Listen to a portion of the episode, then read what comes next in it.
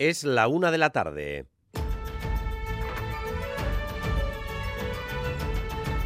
Crónica de Euskadi con Dani Álvarez. A Rachaldeón, ¿qué hay que hacer con los teléfonos móviles de los menores dentro de las escuelas e institutos? Es uno de los grandes dilemas de nuestro tiempo. Se está imponiendo la vía restrictiva, porque varias comunidades autónomas han decidido ya prohibirlos totalmente. Un camino que de momento el gobierno vasco no quiere recorrer. Educación opta porque cada centro regule qué espacio deben tener los teléfonos y también los relojes inteligentes en infantil, secundaria, bachillerato y FP. La mayoría de centros tiene ya su regulación, pero este año deberán ser todos los que marquen sus normas. Natalia Serrano. No se prohíbe eso, no, pero sí se exige a cada centro regular el uso del móvil durante toda la jornada escolar. Clases, recreos, comedor, transporte, actividades extraescolares, desde infantil hasta bachillero FP.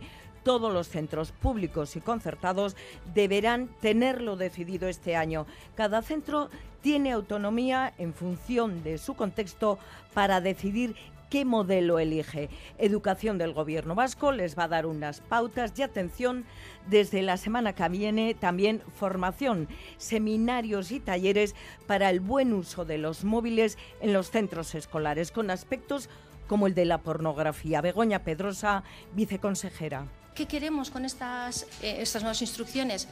Que estén todos los centros educativos sí o sí, que se reflexione, que concienciemos a las familias, que sea algo que cualquier docente tenga muy muy presente cuando entra en el aula o cuando está en el recreo. Eso es lo que queremos, que llegue a todo el claustro.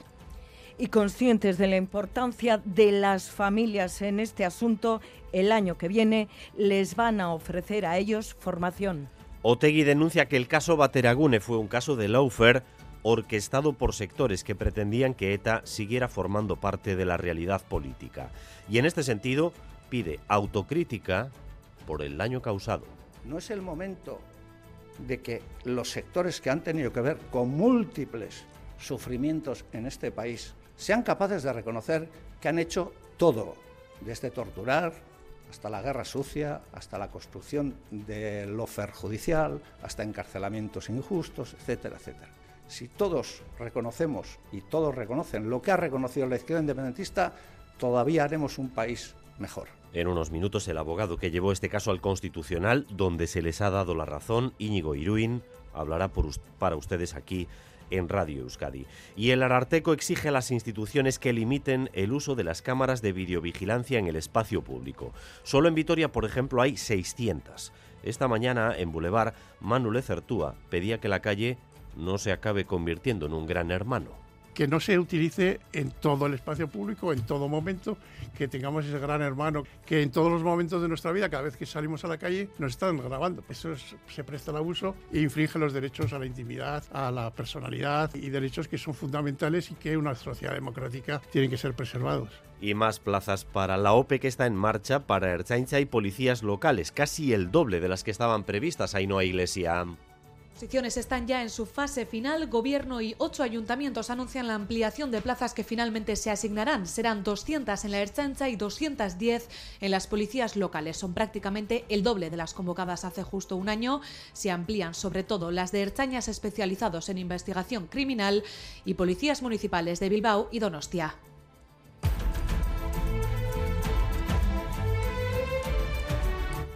Se acaba el viento sur, viene cambio de tiempo, regresamos al invierno dentro de unas horas, aunque esta mañana el fuerte viento ha motivado cancelaciones en los aeropuertos Mayal en. Prácticamente hasta las 8 de la mañana ningún avión ha entrado ni salido en el aeropuerto de Bilbao. Cancelados los primeros vuelos que iban a Madrid y a Frankfurt. Han salido con más de una hora de retraso los que iban a Londres y a Ámsterdam. Se han medido ráfagas de 135 km por hora en Punta Galea, en Guecho, y de 127 en Machichaco, rachas que han dejado árboles caídos, contenedores desplazados e incluso cortes de luz, por ejemplo, en Verango.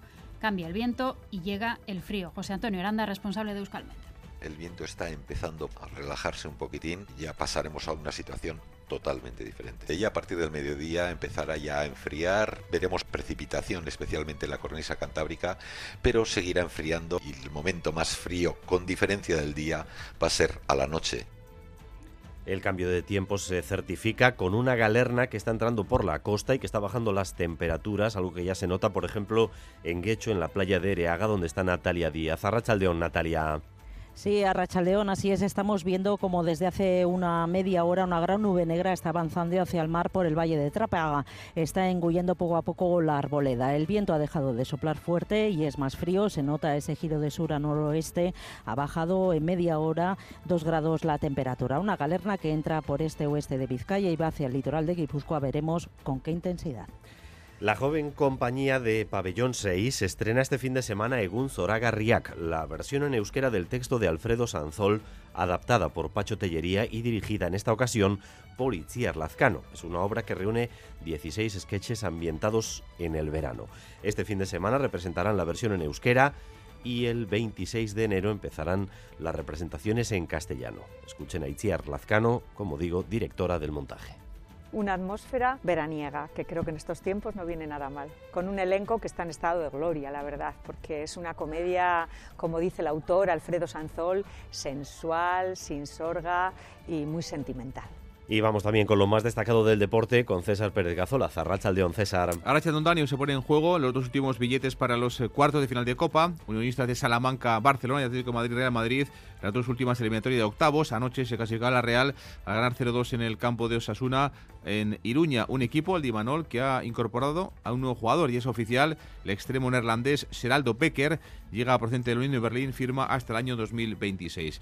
Y sorteo esta mañana de los cuartos de final de Copa femenina. El Atlético va a jugar su partido en casa contra el Tenerife, mientras que la Real Sociedad de Natal Arroyo se meterá a Levante fuera, en Valencia.